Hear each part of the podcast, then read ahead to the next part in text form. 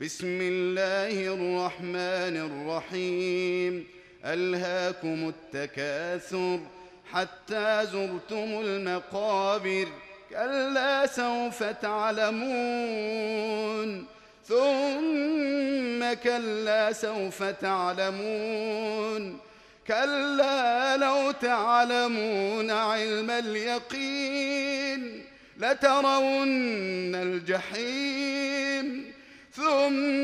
لترونها عين اليقين ثم لتسألن يومئذ عن النعيم.